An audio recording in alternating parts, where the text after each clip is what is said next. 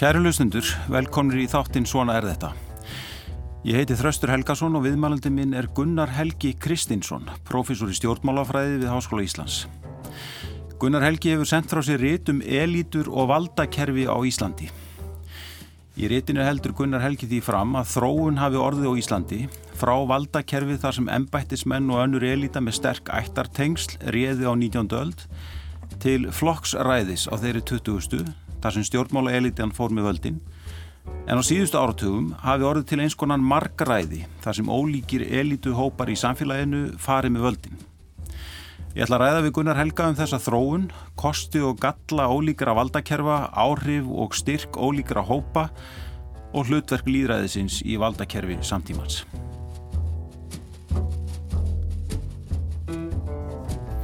Gunnar Helgi, velkomin í þáttin. Takk fyrir það það er eh, svona svolítið frískandi að þú segir bara eins og þetta er að, að, hérna, að það hafði þetta alltaf verið einhvers konar elítur sem fara með völdin í samfélögum.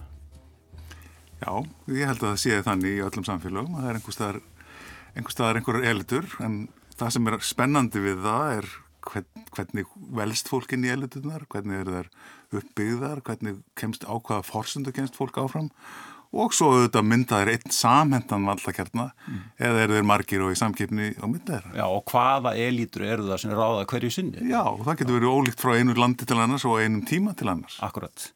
Uh, í bókinu gerir einhvers konar greiningu eða samantekt á því hverjir teljist til elítunar á Íslandi og kennst að þeir eru niðurstuð að íslenska elítan innihaldi 846 manns. hvaða fólk er þetta? Já sko, ég það eiginlega til að útskýra þetta það þarf ég að, hérna, útskýra kannski hvernig, hvernig ég fer að ég fá, fá út elitunar. Það er að segja, það hafi verið gerað svona rannsóknir á hinnum Norðalundunum Já. og uh, það er byggt á svona því sem er kallað stöðu aðferð, það er fyrir leitað af fólki sem er í stöðum sem að eru taldar vera áhuga miklar, ráðherrar eða fórstur á stóra fyrirtæki eða stjórnendu menningastofnuna eða eitthvað þínlíkt. Og ég fylgdi eiginlega bara forskrift dönsku valdsrannsóknarinn danska kerfið er að mörguleiti svo skilt okkar. Já, og ég fylgdi forskrift hennar og reyndi bara að búa að finna sambærilega, sambærilega, sambærilega stöður á Íslandi. Og leitaði svo bara uppi eftir tiltækum heimildum hverjir uppfylla þær, hverjir er í þeim stöðum hér á landi. Já. og þegar ég er búin að fara í gegn þessa átta elitu hópa sem er í danskur ansókninni, það eru stjórnmálaelitan og stjórnsýsluelitan og efnagselitan mm. og hagsmunasamtökin og, og vinnumarkaði, það er hérna, menningarelitan, akademiska elitan og fjölmiðlaelitan og dómstólaelitan, ég glemdi henni.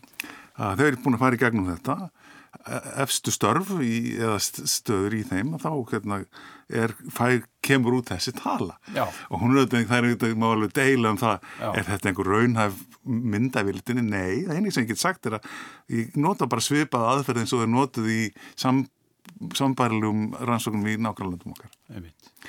og hún er auðvitað, þú veist 800 okkar manns, það er hérna í danskur rannsóknum og þessum norröfnar rannsóknum þá er talan svona hliðstæðtala um 2000 Já. mjög mörgum öðrum löndum eru, eru svona elitunar kannski svona millir 5 og 10.000 manns. Þannig að okkar elita er lítil í samanbyrju við þetta en hlutfalslega stóru og ég get eiginlega ekki dreyin einar álíktanir af því annað en bara þú veist að auðvitað er hlutfalslega mörg ábyrðastörf á Íslandi. Það er lítið land og það, það eru hérna hlutfalslega margir sem tilhera svona áhrifa hópum en það er Ísland hvern, hvern, hvernig var það mennandi í síðustu kostningabarðu landtækjaverðina? Já, akkurat.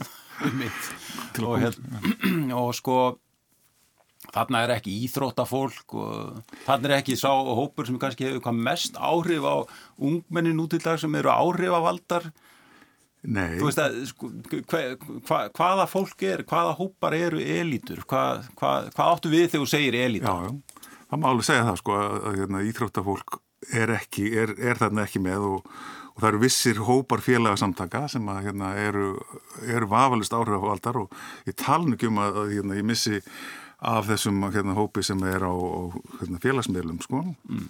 um, en það er náttúrulega kannski gallin við að fylgja svona til dælu vel establíseraðari forskrift sko, mm. að hérna, þjóðfélag er, er alltaf að breytast en, en í, í hverju tilviki þá, hérna, þá líkur nú svona ef, ef við gefum okkur þessa áttægilitópa þá liggur þetta svona svo litið beint við hverjir eru hérna fylla dómarastörf hverjir sitja í ríkistjórn og á þingi og eru, eru fóristum með stærstu sveitafélag, það er pólitíska eldan, hverjir eru ráðunitistjórar og, og sviðstjórar ráðunitum forst, forstöðu með stærstu stofnana, mm. eh, hverjir eru, hver eru stjórnaformen eða forstjórar stærstu fyrirtækja, skilur þetta er aðferðindu. Þetta var aðeins flóknaran með, með hérna, fjölmiðlega elituna og menningar elituna þá notaði ég að, að, bætti ég þessa aðferð aðeins upp með því að nota það sem er kallað hérna, orðspors aðferð Akkurat. sem er þá bara þá er einhverjir sem eru taldir þekkja vel til, spurðir um það hverjir eru taldir vera áhrifamestir á þessu svið þannig að ég, ég fylg ekki bara sko, störfunum, hverjir fórstöðum að hérna listasafn Íslands eða eitthvað slíkt heldur líka hverjir eru áhrifamikli listamenn en, en svona í megin að þetta fylgji stöðunum eins og eins og er gert í þessum Og þetta er kannski, sko, það er kannski, þetta er ólíkt vald sem að þetta fólk hefur. Sumir eru með Já. vald í skjóli peninga, aðrir eru með eitthvað svona stjórnvald, Já. svo er einhver sem hafa kannski engungu, og það er kannski menningar elitan Já. sem hefur engungu áhrifavald. Þetta er mjög ólíkt vald og sumir hafa formlegt vald. Já eins og, eins og hérna, ráðherrar til dæmis eða fórstuðum með stofnuna taka bara hreinlega stjórnvalds ákvarðanir og, og svo framvegs og sömur hafa löggefavald og, og svo eru sömur bara eins og, eins og hérna, áhrifða mikill listamæður hann hefur, hefur engum að segja kannski nema sjálfum sér uh, en getur haft feiknarlega áhrif út í, út í samfélagi Já, einmitt, orðans geta haft áhrif á og svona Já, og ímsir viðmælendur mín gerði það að, við, að hérna, umtalsefni einmitt sko, hvernig hérna einmitt sérstaklega áhrifamikli listamenn hefðu aðganga til dæmis fjölmiðlum og, og aðganga eirum fólks ef mm. fólk er sólgiði að hlusta þá miklu frekar kannski heldur en deildarstjóra hjá ofinböri stofnun eða ráðunetti Já, sko. akkurat Sko vantar okkur einhvern hluta inn í elutuna hér á Íslandi sem að þú sást eh, svona í hjá öðrum stærri þjóðum er eitthvað, er eitthvað sem vantar inn í þetta kerfi hérna í okkur Þú nefnir hérna þessa áttaflokka mm -hmm. þeir mhm. eru svona allir vera hér en er eitthvað sem að um, er eitthvað í samanbörðunum hérna á milli þjóða okkar og annara sem að um, Sko það, það sem ég myndi kannski segja fyrir utan þetta, þetta sem þú nefnir með áhrifavaldana og, og, hérna, og það alls saman sko mm. að Íslandikar eru þetta einsleit þjóð sko Já. og eru til til að nýlega komlega inn á það, það tilvistarstig sko að hér eru alls konar minnulutahópar mm og minnilegt-hópar er ekki mjög ábyrrandi í þessum elitum á Íslandi. Þeir séu komni kannski aðeins lengra, já, meir séu hinnum Norrlundum sem eru einsleitt samfélug eða voru einsleitt samfélug líka. Þannig að þú myndir ekki finna mikið í þessum elituhópum á Íslandi úr, úr slíkum hópum. Já. En það er svona það fyrsta, fyrsta eða það helsta sem er eftir í hug já. í sambandi. Og sko, og og svo það að, að maður ma veldi fyrir sér sko sambandinu milli elít, elítunar og svo, og svo líðræðisins það er kannski, það er náttúrulega eina spurningunum sem þú ert að velta fyrir þér alla mhm. bókina það er þetta svona og það að elítur fari með völdin þýðir kannski ekki endilega að líðræðið hafi verið tekið úr sambandi eða hvað? Nei, alls ekki, þetta móti þá er það sem ég er að vera að halda fram sko er að hilbrikt elítukerfi það hérna það er hinn hluti af samlokunni eiginlega sko í hérna sem okkar stjórnkerfi byggir upp á. Já. Það byggir annars vegar á líðræði þar sem að auðvitað kjósendur hafa eitthvað að segja um það hvernig elitan, hvað hann kemst upp með mm. en á himbóin að þú færðu aldrei vel virkandi líðræðiskerfi sem, sem eru engar elitur. Hérna, þú þarft að hérna, stjórnkerfi eins og við búum við, það þarf vel starfhæfa flokka það þarf vel starfhæf ráðuneyti það skiptir engum máli hvað alþingi samþykir mm -hmm. eða þú ert ekki með öfluga stjórnsýslu til þess að hrinda í framkvæmt eða útfæra þær samþyktir mm -hmm. þannig að elitur og fólk sem kann tilverka og, og hérna hefur vald til að hrinda hlutum í framkvæmt er bara nöðsynlegu hluti af öllu velvirkandi líðræðiskerfi í nútíma samfélagi, nú skal við, við getum auðvitað að fara til aðfinnu og fara að velta fyrir okkur öðrum möguleikum, sko. en það bara er ekki nútíma samfélagi. Nei. En var líðræði kannski sko veikast í valdakerfi embatismann og ættarveldi svo 19. öld? Já, ég held að það var að vísu sko alþingin alltaf endurist eða stopnaði endurist, hvernig sem við orðaði það, 1845 mm. um, þannig að alþingi var þarna sem rödd sko, en En við vorum hérna náttúrulega með svona ættarveldi á Íslandi og alveg, alveg fram yfir aldamót sko, eða fram í mhm. kringum aldamóti 1900. Þar sem að það voru klíkur uh, og oft byggðar á ætt og ættartengslum sem að hérna, hér voru innstikoppur í búri í, í valdakerfinu. Það hefur nú aðri fjalla meir um þetta og ítalegar heldur en ég. 19. aldin er svona svo litið auka, auka geta hjá mér. Mér finnst mikilvægt að setja þetta samt í þetta samingi en, mm -hmm. en ymsi sakræðingar hafa fjallað um það með frekar svona áhugaverðum og afgerandi hætti hvað, hvað samfélag virkaði. En, en þetta kerfi er kallað sko, hefðbundin elitismi Já. í bókinu og það eru fyrst og fremst þá embættismenn sem ráða ríkjum en, en getur þú svo útskýrt þessa þróun sem verður á sér staði yfir í það sem þú kallar síðan samkeppniselitisma sem er þá 20. öldin? Já, það, eins og ég sé þetta þá, hérna, þá byrjar þetta embætismannaveldi að láta á sjá bæði af ýmsum ástæðum sem við þurfum kannski ekki að fara út í hér en það sem gerist í kringum aldamótin og 1900 og eftir það er það að samfélagi byrjar að breytast. Það er ekki lengur allir sem búa við, bú, lifa á landbúnaði og, og, og við sjáarsíðuna eða sem sagt við, við bátaútgerð einhverja mm.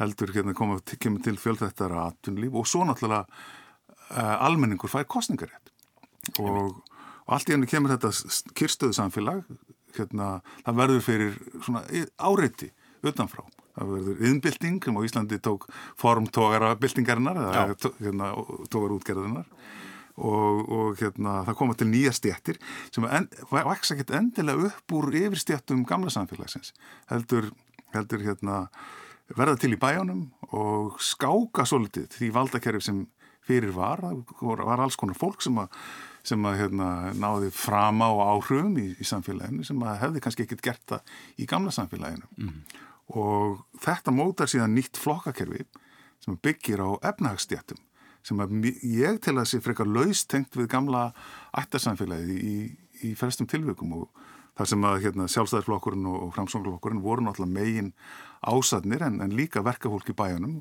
var verulegu ókunun við, við forréttindi þeirra hópa sem hér hafðu ráður ríkjum áður. Mm. Og hér verður þá til þetta svona, það sem ég kalla samgefniselitism eða, eða bara flokksræði. Já. Hérna valdakerfi, það sem að flokkarnir í tengslum við áhrifamikla efnahagsaðila ráða eiginlega öllu um miðbygg 2000-aldarinnar í samfélagin. Það er framságnarflokkurinn og saminurhefingin það er hérna enga framtakið og, og sjálfstæðarflokkurinn ja. og það eru í kannski þriðja sæti og, og mill allir bíli á milli ja.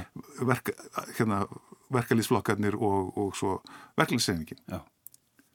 og það er sé, þessi þrýr megin elituhópar sem að hérna, skipta máli svona, lungan úr 2000-öldinni allavega um miðbyggarnar einmitt En, en sko þarna verður kannski eins og þú bendir á sko þessi grundallar breyting að, að sko þessi elita er kjörin, hún er eh, líðræðislega kjörin Já. og sko og sko hérna hún, hún, er, hún er, það er einhver bein tenging þarna við líðræðið. Já, já. En það, það kannski þýðir ekki það að hún hef endilega verið sko, var þetta góð elita sé að, að, að hafa? Já, var þetta gott kerfi? sko, bæði góð og vond sko, það er að að, hérna, í, í því hvernig þetta gerðist allt saman, þá náttúrulega var voru innbyggðir vissir svona spillingar kvatar, mm. það er að, að hérna flokksræðið, það var svo algjört að það hafi svo fullkomna stjórn á ríkisfaldinu, mm. að menn freistuðist til að nýta valdi ríkisins ekki með þessum óhlutdræga hætti eins og, eins og hérna, við höfum kannski frekar dæmum og hinn Norrlandunum heldur í þá einhverja flokkshagsmunna fyrirgreðsluðu pólitíkin var hérna, mjög sterkur hluti af því hvernig gömlu flokkarnir virkuðu Já. og þeir umbuðu sínum hérna, fylgismönnum og gerðu upp á milli fólks.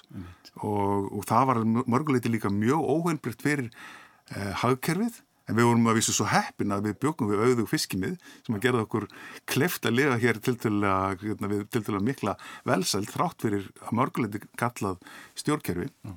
en svo þetta hérna má segja líka að hérna í einhvern skilningi það voru báru stjórnvöld ábyrgakvort kjósundum það er að segja að þau, þau þurfti að mæta þeim í kostningum og bara, bara það þá, þá ekkert annað að, að stjórnmálumann þurfi að mæta kjósundum í kostningum, það skapar þeim vist aðhald, þannig að mm. óstjórnin fór kannski aldrei yfir eitthvað ákveð stig og heldur við höfum aldrei haft sko þó, þó ég segja við höfum haft vissar tegundir af spillingu á, á 2000. á Íslandi þá var það held ég ekki mikið í formi mútu greiðsna þó við þekkjum dæmum slíkt sko mm. eða svona alvarlegri tegunda af spillingu tengst við skipulaða glæpastar sem er eitthvað þýnlít. Þetta var meira bara sko hérna samfunnurrefingin og bændur Já. og, og enga framdækið og sjálfstæðarflokkurinn og, og báðir vörðu sína hagsmunni en þeir deildu líka að hluta til völdur sín í fjármálakerfinu til dæmi sko. með því að skipa, skiptast á það var svona helmingaskiptakerfi í á mörgum sviðum Akkurat. þar sem þessar eilitur störfuðu saman og kannski stæsta vandamáli var að, að sko pólitíkinn og eh, flokksræði tegði eiginlega völd sín og áhrif inn í eiginlega alla kíma samfélagsins. Já og lagði svolítið svona þunga lamandu hönd á ymsa mm. hluti um, það var auðvitað viss hluti af þessu kerfi var það að, að hérna það var mikil skekkja í kostningakerfinu og það var mikil ásókn hjá, þeim landsvæð, frá þeim landsvæðum sem átt undir höggasækja í efnægastróunni um að fá fyrirgreðslu frá, frá hérna, þinginu og ríkistjórn og, og það leiti til að mörguleiti óhelbriðara hluta í sérstaklega í utaríksviðskiptum og, og í fjármálakerfinu mm. um, sem ábyggilega gerði lífskjör hér lagari heldur en að þið hefðu ella geta orðið en Engu að síður þá held ég að hérna, við höfum vel getið lendt í, í verra kerfi og auðvitað var þetta ef, ef, við, ef við reynum að, rétt, að hérna, verja fyrirgræslukerfinu og fyrirgræslupolitikinu og sjá hana eins og kannski þeir sem að tóku þáttíðinni sá hana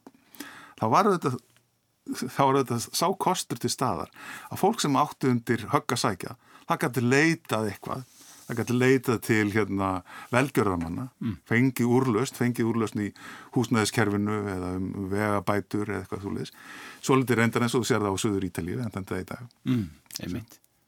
En, og, og sko, og, sko fjölmiðlakerfið var meira segð undir þetta valdsett. Heldur betur. Og blöðin voru flokksblöð eins og þú ferði gegnum í bókinni. Já ríkisútarpi mátti ekki flytja fréttir af pólitíkinu, minnst ekki frétta skýringar þar sem Nei. var reynd að fara einhvern veginn ofan í hlutina. Það var bara lesna frétta tilkynningar. Já, og, og svona staðrinda upptalningar um, um sko ablabröð og, og, og geftir og svo framvegið sko. Og þetta, þetta, þetta, og þetta, þetta var svona sem sé, í raunveru eins og þú segir held ég alveg fram til 1970. Já, og þetta er svona maður byrjar að sjá þetta kerfi byrja að brotna í kringum 1970 og svo á næstu tveimur ára, teimur, þreimur áratugum þá í raun og veru mélast það aldrei niður þannig að flokksfjálmiðlunin þessi hefðbundna sko með þjóðviljan og alþjóðblæðið og tíman sko eh, hún hverfur eiginlega á tíunda áratugum mm. eh, og við erum komið þá með mjög áhrifamikla fjálmiðla eins og, eins og hérna, stöðfu og, og, hérna, og aðra fjálmiðla sem að já allavega voru ekki í þessu beintengda sambandi við flokkana eins og, eins og hérna gamlu flokksblöðun hafði verið. Mm, einmitt. Og, einmitt, og, og það, það er beinlýnis farið að gera uppreist gegn þessu kerfi hérna svona á síðustu, á síðasta ald, aldar fjórðungnum, já, ekki satt. Einmitt. Og, og, og það svona mismunandi elituhópar innan samfélagsins taka að styrkjast á þeim tíma og kannski sérstaklega efnaðslegi efnahagslega elítan efnahagselítan Það verður náttúrulega ákveðin, sko, verður ákveðin skil í kringum 1960 þegar viðresnastjórnin tekur við völdum. Mm. Hún hafði það markmið að reyna að hverfa úr þessu mikla haftakerfi sem að hér hafi verið. Gefa á utryggisviðskipti frjáls í auknum mæli og það setti að stað þróun sem við sjáum á næsta áratugum e, styrkjast í sessi með frjál, frjálsari verðlagningu uh, og þarfum þetta gotunum og sem á endan gekk kannski af sambandinu döðu eða, eða samfunnurreifingunni, hún misti eiginlega öll sín hérna, ítök mm. í hérna, íslensku efnæðslífi og þar með sko losnaði svolítið um samhældnina enga, hjá enga framtækinu því að það sem að menn kvalluði svona stundum í gamni kolkrabbin var í raun og veru sem átti að vera svona einhvers konar elita enga framtæksins í samstarfi við sjálfstæðisblokkin var að sumuleiti náttúrulega bara speilmynd af eh, hérna og svona varna viðbrækakvart völdum framsóknarflokksins og, og saminurhefingarinnar mm -hmm og þetta kerfi sem sagt, kemur svona þýða í það. Um sviparleita og kommunismin hreinur einmitt í, í, í, í Sáviðríkanum á síðasta áratug 20. aldarinnar og við sjáum þá hérna alveg gjör ólíkt landslag þar sem að hérna enga framtækið við sjáum til dælu ofinskátt að það eru ólíkir hópar enga framtagsins sem að hérna, hafa ólíka hagsmunni. Mm. Mynda ekki í raun og veru neina heilstaða elitu. Sumir, sumir vildu hérna, nánari, nánari tengingu við Evrópu, sumir vildu, vildu hérna, um, halda einhvers konar heft, höftum í uteríkisviðskiptum. Uh, hagsmunni voru ólíkir eftir hvert þú leitaðir mm. og, og, og svo voru bara einstakar blokkir uh, ekkert endilega tengdan ættum Eh, fólk sem að, hérna, átti ítök í einhverju, einhverju, hérna, einhverjum hópum af fyrirtækjum og voru í samkjöfnu vara. Sumum þeirra treysti sjálfstæðarflokkurinn, öðrum treysti hann ekki og við sáum mjög ofinskás átök á milli hérna, fórustu sjálfstæðarflokksins og einstakra hópa í viðskiptarlífinu sem að hérna, lauðun og Íslandnand bara voru mest ábærandi, ein, já, með mest ábærandi átökum í íslenskum stjórnmálum svona einhver tíma frá því á tíunda áratögnum og þar til á fyrsta áratök þessar aldar. Já. Og þarna gerist líka sko að, að flokka kerfið fyrir svona að, að veikjast. Og, og það fer að, það fara að koma sprungur í það og, og einn ein, kannski sterkast einnkoman þarna mitt á nýjunda áraturnum er sko kvennalistin ekki satt sem að og sem heldst þá svolítið hendur líka við bara það að, að konur er að sækja meira inn í eiginlega allar elítu hópa. Já, þó að konur séu þess að ennþá í flestum elitum í, miklum minnilegta að þá hefur, er staðan frá því kringum 1980, hún er gjörbreytt mm -hmm. það, það er, það er ekki að lýsa því hvað það er, er hérna, það hefur breyst og auðvitað var tilkoma kvennalistans til að veiga mikill áfangi í því mm -hmm. 1980 og 23 þá, þá hérna, bjóða konur fram sérstaklega fyrst í sveitastöndakostningum og svo í landsmálunum og ég held að það sé kannski sá já, sá kveikur sem að hérna, vakti fólk til, til meðutundur um það á mjög mörgum öðrum sviðum líka mm. að hérna hlutur hvenna væri já, ekki eins mikill eins og hann eðlilegt væri mm. og, og það er endar ennþá þannig að, að það er listaeilitan kannski fyrst og fremst og svo stjórnmáleilitan þar sem konur hafa náð meiri árangri heldur en á morgum öðrum sögum, mm. minnstum árangri hafa það náði í viðskipta elitinni og því miður verður ég að segja hérna, í akademísku elitinni samkvæmt þessum gognum sem ég er Já, er að skoða. Einmitt. En þú fjallar sem sé, eh, það, það er síðan svona á, á síðustu áratugum frá með kannski þessum tíma sem við erum að tala um núna sem að, eh, sem að svona elitu hópar fara að styrkjast í samfélaginu og, og taka til sín meiri völd og þú fjallar sérstaklega um þrennskonar elitu hópa, það er stjórnkerfis elitan, efnagselítan og svo mentaelítan. Mm -hmm. Getur þú útskilt hvaða hópar þetta er og, og, og hvað svona ennkennir þá og völd þeirra? Já, stjórnkerfiselitan er, eru sem sagt þá stjórnmálamenn, embætsmenn og dómarar en ég tek nú eiginlega, þá er svo fáir svarendur þar að til að varðveita nafnlind og, og því líkt þá, þá fjalla ég almennt ekki mikið um þá mm. þá er það, það er erfitt en stjórnkjörfiselitan hún eh, eru þá stjórnmálamenn og, og, og starffólk í stjórnsýslu aðstu starfsmenn þar um, og uh, almennt séð að þá, hérna, þá sjáum við sko að það er mikil fagþróun meiri segja í hérna, stjórnmálaelitinni. Stjórnmálafólk er miklu meira atvinnufólk heldur en áður. Þetta veldi fyrir bara sko að það var ekki gert ráð fyrir því að, að þingmennska væri fullt starf Nei. fyrir heldur en í kringum 1970. Já, þá þurfti fólk að hérna, hafa örgar tekjur einhver starf annar staðar. Það var þá ekki fyrir hvert sem er að vera þingmaður. Venjulegur verkamæður við höfnum í Reykjavík gæti ekki verið þingmaður því að, því að hérna, hann gæti ekki gerst ráð fyrir að fá, fá frí úr vinnunni eins og á, á þurfti að halda. Þannig að það voru fyrst og fremst einhver, einhver, einhver kannski ofnböru starfsmenn þeir sem voru að reyka fyrirtæki eða eitthvað slíkt mm. sem að gáttu gert slíkt um, í, þannig að mér sé að í stjórn í meirsi stjórnmálauglutunum sjáum við vissa fagþróun og, og flestir þeirra sem vinna við stjórnmál hafa til til að mikinn bakgrunn í stjórnmálum. Það er aðeins minkanum í setjum tíð með öllum þessum nýju flokkum. Það er meira rót á stjórnmálauglutunum, þú getur ekki eins gert ráð fyrir því að halda áfram að vera stjórnmálaður með aðeins og áður en enguða síður að fólk hefur bakurinn í flokkstarfi og, og í, og í hérna, sveitastjórn mm. sem er náttúrulega mikill uppeldis vettvangur fyrir stjórnmáleildun og hvort sem það er góðs eða íls sko, en hérna um, stjórn, sko stjórn hinn stjórnkerfiseldan sem eru ennbætsmenninir eru í miklu minna mæli heldur en áður pólitísta ráðunir. Það gerist náttúrulega á, á tíma flokks, á, hérna, flokksræðisins að öll stærri störf hjá hennu bara voru, eða nánast öll sko, voru einhver leiti pólitistráðin mm. og stjórnkerð og hérna, ennbætsmanneilitin var þess vegna dálitið pólitísk eh, en, en í setni tíð þá eru gerðar vaksandi kröfur til ráðninga og þetta sem ég segja þá að koma en þá fyrir að fólk sé ráðið pólitíst í stjórnsýslunni þá hefur umfangið þar mingað mjög verulega. Það er bara meiri áhætta fyrir stjórnmálamuna að, að beita pólitísku ráningavaldi í venjuleg störfi stjórnsýslunni heldur en áður var. Þannig við erum með hérna uh, elitu í, í, í, í ofnbæri stjórnsýslu sem, sem er vissulega elita en hún lítur miklu meira heldur en áður bara faglegum lögmálum. Mm. Þeir sem að hafa viðegandi mentun og þeir sem að hafa viðegandi starfsferil mm. eru þeir sem að fá, fá störfin. Þannig að þýleitinu þá er hún sjálfstæðri frá stjórnmálum heldur en áður mm. og það er svona heilbrikt aðhald gagvart stjórnmálumann.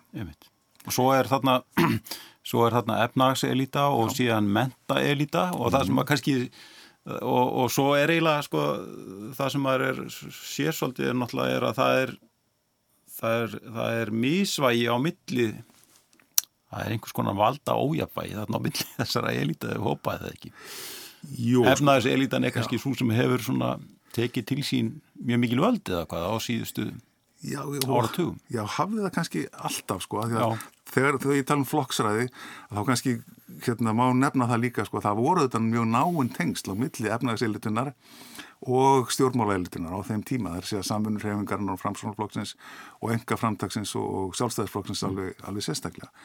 Það sem við höfum séð í setni tíð er auðvitað það að, að sko það eru kannski meir stærri upphæðir til umræða í efnæðislífinu, það eru banka á, tímum banka á útþenslunar, það voru bankaðinir alltaf gífulega eh, áhrifaríkir og, og hérna, kannski fyrsta elitan til að ógna veldi hérna, sjárundegs fyrirtækjana eh, bara yfirleitt sko frá því að nútíma efnæðislíf kom upp. En það er náttúrulega hrundið þetta svolítið í, í hruninu sjálfu. Þannig að svo elita sem er sennilega svona áhrifamest er, er sjárundegs eru sjáuröldsfyrirtingi, þau eru gríðarlega fjármunni, Já. eru gríðarlega vel skipulöð og hafa gríðarlega góðan aðgang að hennum pólitiska hérna, vettangi mm. í flokkonum, í þinginu og í, í ráðunitunum. Mm. Þannig að það er áhrifða mikil elita en hversu mikið völdinar ná, ná út fyrir málefni sjáuröldsins er síðan önnur spurning. Auðvitað eru hérna er það þannig að sko það eru ákveðin fyrirtæki í ferðarþjónustu til dæmis sem eru áhrifða mikil á sviði ferðarþjónustu en þau eru ekkit endilega áhrifða mikil um sjárútvegu eða gengistefnu eða, eða eitthvað, eða, eða ég tala ekki um mentamál eða helbriðismál. Þannig að eliturnar eru meira takmarkaðar við sín svið. Mm. Það er engin ein elita sem stýrir þessu öllu og meiri segja, hérna, við getum kallað það sko kapitalistarnir, ef við hérna, notum það orðfar sko, mm. þeir, þeir eru bara fyrstilega ekki sammála um það hvað þeir vilja og í öðrulegi að, að hérna, þá er áhrif þeirra mjög mikið takmarkuð við það tiltekna svið mm. hérna, einhver fyrirtæki bláalóni eða æslandir eða einhvað slíkt geta haft mikil áhrif á, í, á sviði ferðarþjónustu en þau hafa ekkert endilega mikil áhrif á öðrum svið mm.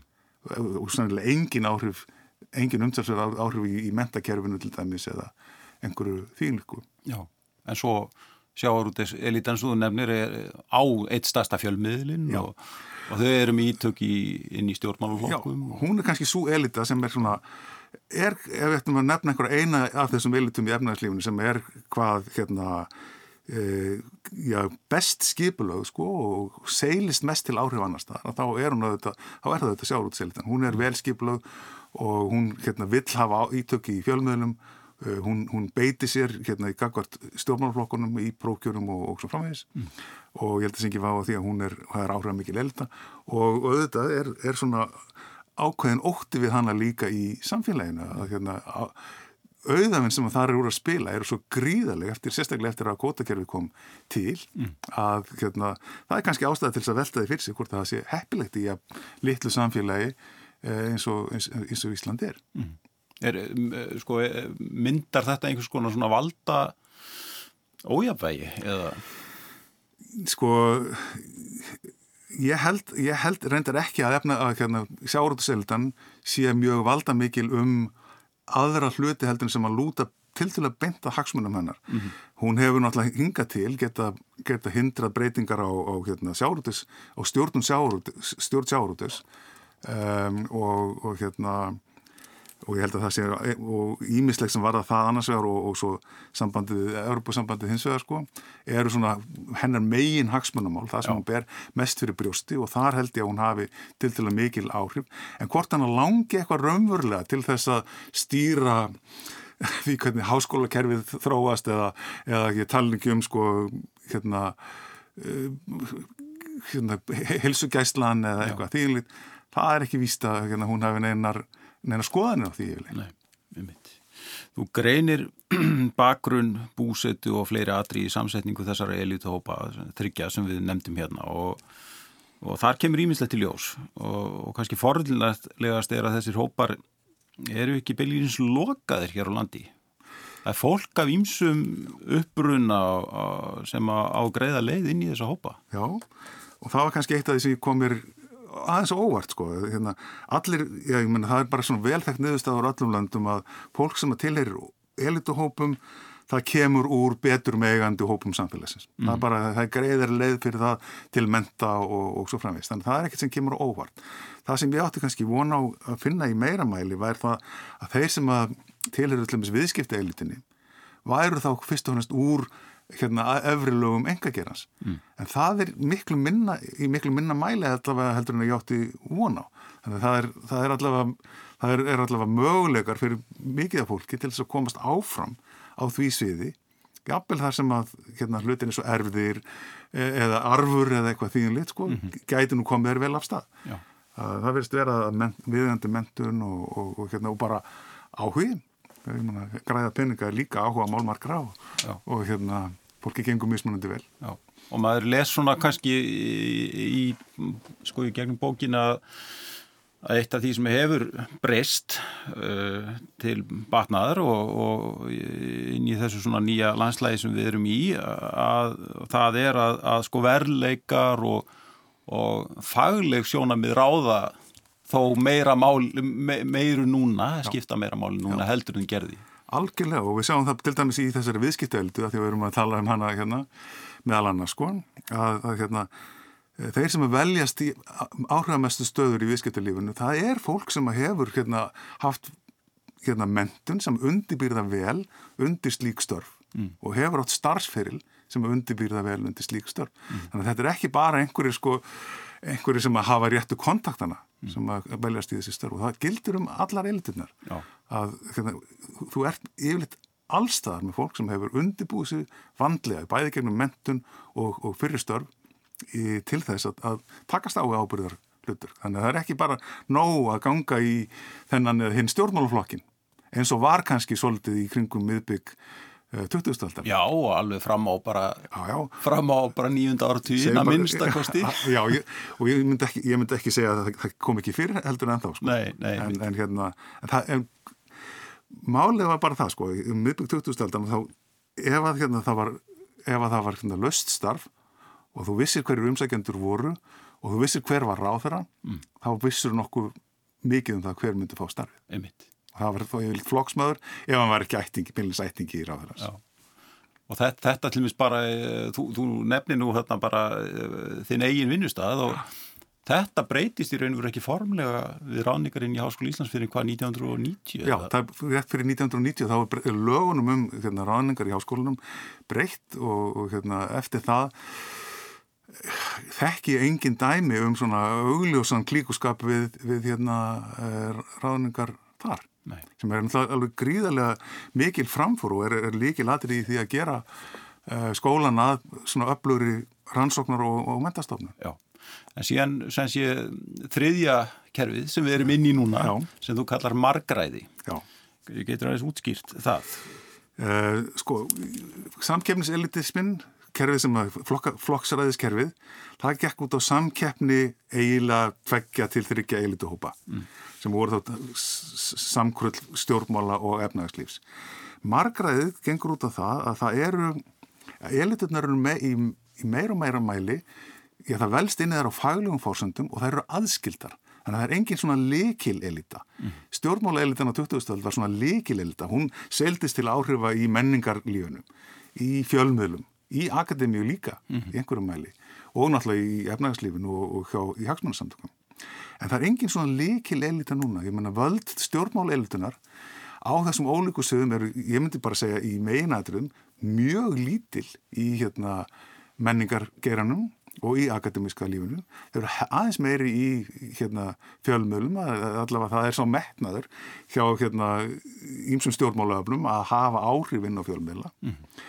um, og, og hérna, þannig að elitunar eru miklu meira bara bundnar hverfi og áhrif þeirra eru bundin hverfi sitt síð, það sem að sko, verðleikaræði, það er að segja það að, að, að hafa faglega hefni skiptir máli um hvert þú kemst mm. í meira mæli aldrei, þú finnir náttúrulega aldrei þið fullkomna samfélag í, í hérna neinstæðar.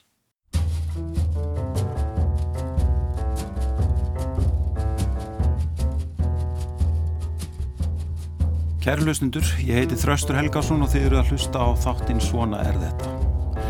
Gestur minna þessu sinni er Gunnar Helgi Kristinsson, profísor í stjórnmálafræði. Í þessum þáttum hefur verið rætt við forðunlegt fólk úr ímsum kemum samfélagsins um reynsluð þess og viðhorf. Ásmundur Stefánsson, hagfræðingur, talaði um Martin Luther. Hægt er að hlusta á svona þetta í spilar rúf og það sem þú sækir hlaðverfiðín. Sko ég, eh, mín tilfinning fyrir Luther er að hann hafi verið bótstafstrúarmadur sem að, að tók reytinguna mjög alvarlega, lagði hana út eftir svona sínum geðþóta og uh, taldi að allir sem að væru að einhverju leita á öðru málinn hann um þá tólkun þeir væru í raunin að brjóta af sér gagart Guði þannig að þeir væru segir að þeir hefði ekki bara ránt fyrir sér. Það, það, þeir, þeir vera að brjóta gegn Guði og þess vegna er hann jafnharður gegn öðrum mótmælandahópum eins og katholíkum því þetta eru þetta bara allt saman brot gegn Guði að hafa svona vittlusar skoðanir. Gunnar Helgi, þú bendir á í lokriðtins að það kerfi margraðis sem við nefndum hérna áðan og, og við búum við núna þar sem ólíkir elitu hópar fara með völdin að það kerfi sé ekki endilega það vestar sem við höfum búið til Nei, ég myndi halda það að hérna, sko, víðast hvar í heiminum þá eru elitu kerfi um, já, ég myndi bara segja hróðarlega illa upp byggð mm. þau byggja á forréttundum, þau viðhalda forréttundum og þau jafngilda mjög oft einhvers konar já, mjög þungbæri skattlagningu á almenna íbúa viðkomandi landa. Þau ganga út á það að draga, uh, draga fjármunni og annað út úr samfélaginu til enga neslu elitunar og, og hérna, skilja almenning eftir fátækan og, og ofta, ofta í örbyrð. Mm. Langsamlega víðast í heiminum er þetta einhvern veginn svona. Mm. Við erum með elitu sem, sem er til til opið, það er þess að fólk sem að, hérna, vil komast inn í elitunar hefur áhuga á sínum hérna, frama innan þeirra, það hefur tækifæri til þess uh, og, og hérna, það er gert á grundvelli faglegra sjónamiða og eliturnar eru ekki nægilega samtengdar til þess að geta myndað svona ógnar, eða hóp, hóp sem ógnar verulega frelsi og, og, og aðtapna svigrúmi uh, borgarna. Mm. Þannig að okkar kerfi á svo miklu leiti sem að það uppfyllir þessi skiliði sem að gera þetta ekki fullkomlega mm. að það, það er tildulega heilbrikt og það er, það líkist að mörguleiti núorðið hérna þeim kerfum sem að eru til, er að finna í, á hinnum Norðurlandunum sem eru svona í flestum alþjóðlegum mælingum þau samfélag sem koma hvað best út ef við, ef við, ef við tristum slíkum mælingum sem eru þetta spurning. Já, sko þú nefnir anstöðu populista við elituna í reytinu og, og sko það, þarna er kannski svona einn helsti átakapunkturinn í stjórnmálu samtímas eða, já. Já, einn, einn af einn aðeins með miskosti Já, ég held að hérna, populismi er yfirleitt bara skilgrendur sem svo hugmynd að megin átakalína í stjórnmálum samtímas gangi á milli hérna, hérna spiltu elitu mm. og hins óspilta almennings og svo populistar er þá þeir stjórnmála ströymar bæði til hægri og vinstri sem að sjá elituna sem óvinnin mm -hmm. þann sem sé að brugga almenningi lönnráð í hérna bakvið einhver, einhver hérna einhver tjöld um, og, og hérna þessi hugmynd og það er kannski svolítið kveikjan að bókinni þó ég sé ekki, hún er ekki um populisma í sjálfur sér Nei. en kveikjan að þessari hugmynd er, að þessari bók ætlaði ég að segja, er það að þetta er að einhver leiti rannsakanleg hérna kenning eru er, er, elitunar raunverulega hérna, samstiltar klíkur sem að hérna, séu að vinna gegn almenningi eða er þetta eitthvað einu örvísi mm og það sem ég ger í þessari bók og aðrir eldu, aðrir sem hafa verið að stútir eldur er bara að reyna að, svara þessari spurningum með gognum. Mm. Hvað getum við vitað um eldur? Við getum kannski aldrei vitað um allra leinilegustu fundi einhverja, einhverja hérna, leiniregluna sko, mm. en aðsum miklu leiti sem við vitum eitthvað, þá, þá verðist eldukerfið á, á, á Íslandi ekki, ekki, hérna, eh, ekki mynda svona samhendan hóp. Mm. Hins vegar nöðsynlegt að bæta því við það merkir ekki allir í sömu tækifæri á Íslandi mm. það, er bara, það er ójöfnur á Íslandi eins og í öllum löndum og fólk og mismunandi möguleika á að komast inn í eliturnar og bara tilvist hérna, tilvist svona segja, verleikaræðist svona kerfist það sem að hinn er hérna, hæfustu komast áfram þýðir auðvitað það að það eru ákveðin hópar í samfélaginu sem að telja sig að tilkall til þess að að hérna, ráða meirinn aðrir í stjórnmálum, í stjórnsýsli, í dómskerfinu, í viðskiptalífinu og þar fram til gotum. Mm. Það er ekki, og auðvitað þeir sem að hérna, eftir sitja í slíku samfélagi, þeim þarf ekki að endilega vera neitt sérstaklega vel við það kerfi. Mm. Það er, uh, það er ekki til alveg skýr populískur flokkur á Íslandi? Nei, það er, það er ráðgáta. Já. Það er bara mjög áhugaverð ráðgáta. Já að, að hérna á meðan að sko á meðan að eiginlega öll land í kringum okkur hafa búið til annarkvært hægri populískan flokk eða vinstir hérna, populískan flokk eða bæði og þá er engin flokkur á Íslandi sem myndi sjálfur allavega kenna sig við populisma og engin, það er svona mismannandi leði til að reyna að mæla populisma og uh, það er engin skýr populískur flokkur á, á Íslandi og hvers vegna það er um, er eitthvað sem má, maður getur, maður getur velt fyrir sér. Ég hef ekki, ef þetta spyrja mig sko, ertu með klárt svar af þessari spurningu, þá múið segja að þetta er rannsóknarefni og mjög áhugaverð rannsóknarefni. Ég held kannski að stuð að hérna, það gæti alveg verið ploss fyrir einhvern populískan flokk sko, ég menna, eh, en ekkert mjög stóran á Íslandi. Mm. En, en hérna, hvers vegna hann hefur ekki árið til? Það er ekki hægt að svara því kannski mjög afgerandi í nágrannlandum okkar þá hefur populismin svolítið þrifist á því að populismin hefur verið svar uh, þeirra sem að hafa orðið eftir í samfélagsþróunni. Þeir sem að búa á svæðum í sveitum eða svæðum það sem er, er atvinnuleysi þá sem að hérna, hafa ekki mikla mentun og finnst sér ógnað af hérna, tæknibildingunni, störf þeirra kannski lögðu niður. Þetta er, þetta er kjarnahópur þetta er kjarnahópunir sem alþjóðavæðingin og, og, alþjóðlegu kapitalismi ógnar mm -hmm. og þetta fólk uh, það er leitað einföldum og skýrum svörum við það hvers vegna það hefur það ekki eins gott í samfélaginu eins og það ímynda sér að fólk hafa haft það áður. Og þá ef við reynum að yfirfæra þetta yfir á, á, á, yfir á Ísland þá má alltaf kannski segja að Íslandikar hafa ekki búið við langvarandi atvinnuleysi Eh, það hafa ekki orðið viðlika átök í kringum innflytjandur á Íslandi eins og hafa orðið meiri sig í Skandinavíu mm -hmm. þannig að þessir átaka þættir sem að populismin hefur þrifist á í öðrum löndum já, þeir hafa ekki komið, og Íslandi er náttúrulega ekki aðeld að Európa-sambandinu, mm -hmm. þeir hafa ekki komið til Íslands með einn skýrum hætti eins og í öðrum löndum mm -hmm. þannig að þetta er svona drög að hérna, rannsóknar áallin ef ég ætlaði að fara að rannsaka þetta. Þá myndi ég byrja að skoða þessa þætti. Einmitt. En sko síðan líka annað að í, við sjáum svona í nýjafstöndum kostningum sko greinilega hvernig Íslands flokkakerfi er að breytast og bara í síðustu kostningum. Fjöldi flokka er allt annar en á síðustu öll og, og, og valdið dreifist þar með sem er líklega í ákvætt og þetta hluti að þessu kannski margræði sem þú ert að tala um. Um En það ferur líka í sér svona að línur verða mjög óskýrar.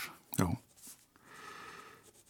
Það er sko, eins og ég segi sko, það er, það er bæði gleðefni og, sorgarefni að hérna, flokkakerfið er að mélast niður. Eh, það er að þýleitinu sko gaglegt að eins og þú segir, valdið dreifist og, og hérna, það er fleiri rattir sem fá að heyrast og fjölbreyttilegri skoðanir. En á himbóin, það verða náttúrulega líka hlutverk flokkana að veita samfélaginu fórustu og standa samfélaginu ábyrgt á þeirri fórustu sem þeir hafa veitt. Mm. Og það er hægt við því svolítið að hérna, þessi ábyrg glatist og þetta hlutverk flokkana veikist í, hérna, í þessu samfélagi þar sem við erum með hérna, flokkakerfi sem er komið upp í átta flokka. Þar sem að fjórflokkurinn var náttúrulega, var náttúrulega normið á, á 2000-aldinni og þá veldi maður fyrir sig hvað, hvað afleðingar hefur þetta? Já, einn afleðingin er svo sko að, að hérna, það verður erfiður og erfiðar að mynda ríkistjórnir og erfiður og erfiðar að reka ríkistjórnir mm af því að flokkar vilja helst ekki verið mjög fjöl, mörg, með mörgum öðrum flokkum í ríkistjórnum því að það er svo flókið að samhæfa starfsemis líkra ríkistjórna en það er náttúrulega síðasta ríkistjórn fyrsta þryggja flokka ríkistjórnin í sögunni sem að lifir heilt kjörtímabil mm. á Íslandi. Þannig að það, sem, það verkefni sem að íslenskir stjórnmálamenn standa frammefyrir er að læra að búa í kerfi þar sem eru fleiri flokkar og þeir get ekki búist við því að það sé hægt að mynda meirulutastjórn með mjög fáum flokkum endilega.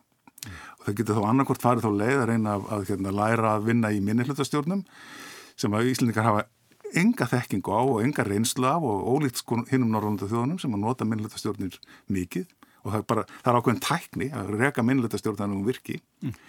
Hinn leiðin er þá að reyna að, að, að vinna þannig í ríkistjórn að hérna, þessi auðveldar að hafa marga flokka innanbors það er til ímsar aðferði til að gera það ítalugu stjórnarsáttmáli valda mikill fórstisaðar og þarframötu göttunum en þessir mekanismar er heldur ekkit mjög vel þróaður á Íslandi. Þannig að ég held að það, það sé svona kannski eitt áhugaverðasta viðfangsefni mæstu ára og kannski áratuga í, á Íslandi að laga vinnubröð í íslenskum stjórnmálum að þessu breytta landslæti. Ég held að séu engar líkur á því allavega að óbreyttu hérna, kostningakerfi að við séum að sjá mikla fækkun flokka aftur. Mm. Að, hérna, tilneyingar til að, til, til, til að samin allir með vinstri vangin sem við sáum í myndum samfélkingarnar fleira hafa aldrei verið fleiri heldur en núna. Mm. Þannig að hérna, það er bara einfallega þannig að það, bregða, það brenna fleiri hlutir á fólki mm. heldur en bara, sko, ef þú ert bondið þá eru áhuga á hérna, landbúnaðamálum og veist verkafólk þá eru áhuga á launum og félagsmálum og aðurreikandi þá eru á skottum, áhuga á skottum og einhverju slíkum mm. í dag þá eru bara, það, það er svo fjölmarkir aðri hlutir sem brenna fólki og það er miklu erfiðar fyrir flokkana að samþjapa því í einhverja svona heilstæða hugmyndapakka mm. þar sem þú getur fengið jafnvel kannski eins og 40% þjóðarinnar eins og sjálfstæðarflokkurinn gert jafnvel þegar vel áraði hjá honum hérna áður fyrir og, og sósjaldemokrataflokkar gáttu gert í, í Skandinavíu. Það er alls þar að gerast, það er að mélast undan þessum uh, stóru flokkum í flokkakjörum nema þeim sem kannski eru varin af sérstökum, hérna, sérstökum stjórnarskrá og kostningakerfi eins og kannski í Breitlandi en meiri sé að þar er þetta ekki alveg örugt sko en í bandaríkan bandaríska flokkakjöru er mjög velvarið mm. af bandarísku stjórnarskrænu og kannski allt og velvarið maður, maður hefur aðeins ágjör af því hvert bandaríki stefna með bara þessa tvo flokka mm. Stutt svona lokum sko maður þetta orkar ámanni svo svona líðræði sé við mjög góða heilsu. Í, við þetta kerfi sem þú kallar margræði að þetta sé sko að þetta sé sko líðræðið sé jáfnvel svona virkara í núna heldur en það var fyrir einhverjum áratugum síðan. Uh, það eru fleiri rattir uh, og svo framvegis Já, ég held að allavega hefur svona frjálslinda mynd af líðræði að það sé hérna valdakerfi það sem er aðhald og valdajafvægi uh, að þá, hérna, þá held ég að það er engin einn aðili sem er nær öllum völdunum og ræður öllu allan tíman mm -hmm. því leitinu, ef þú hefur þannskilning á líðræði þá held ég að þetta sé heilbriðt kerfi. Ef þú vilt eins að fá hinn einföldu og stóru svör það sem að hinn hérna, vilji þjóðarinnar, þið máttu að sverð vilji þjóðarinnar ræður. Að þá er þetta kannski ekki kerfi sem að þú hérna, myndir endilega óskaðir því að, því að það eru margar fyrirstöður í, í hérna, faglugu margraði við einföldum lausnum sem að hérna, riði öllum keppin út um úr vegi. Það er gaman að fá því þáttinn Gunnar Helgi. Hafði mikið með þessa góðu bók. Takk hjá og takk fyrir komina Kæru lausnendur, við verðum hér aftur að viku liðni Góða stundir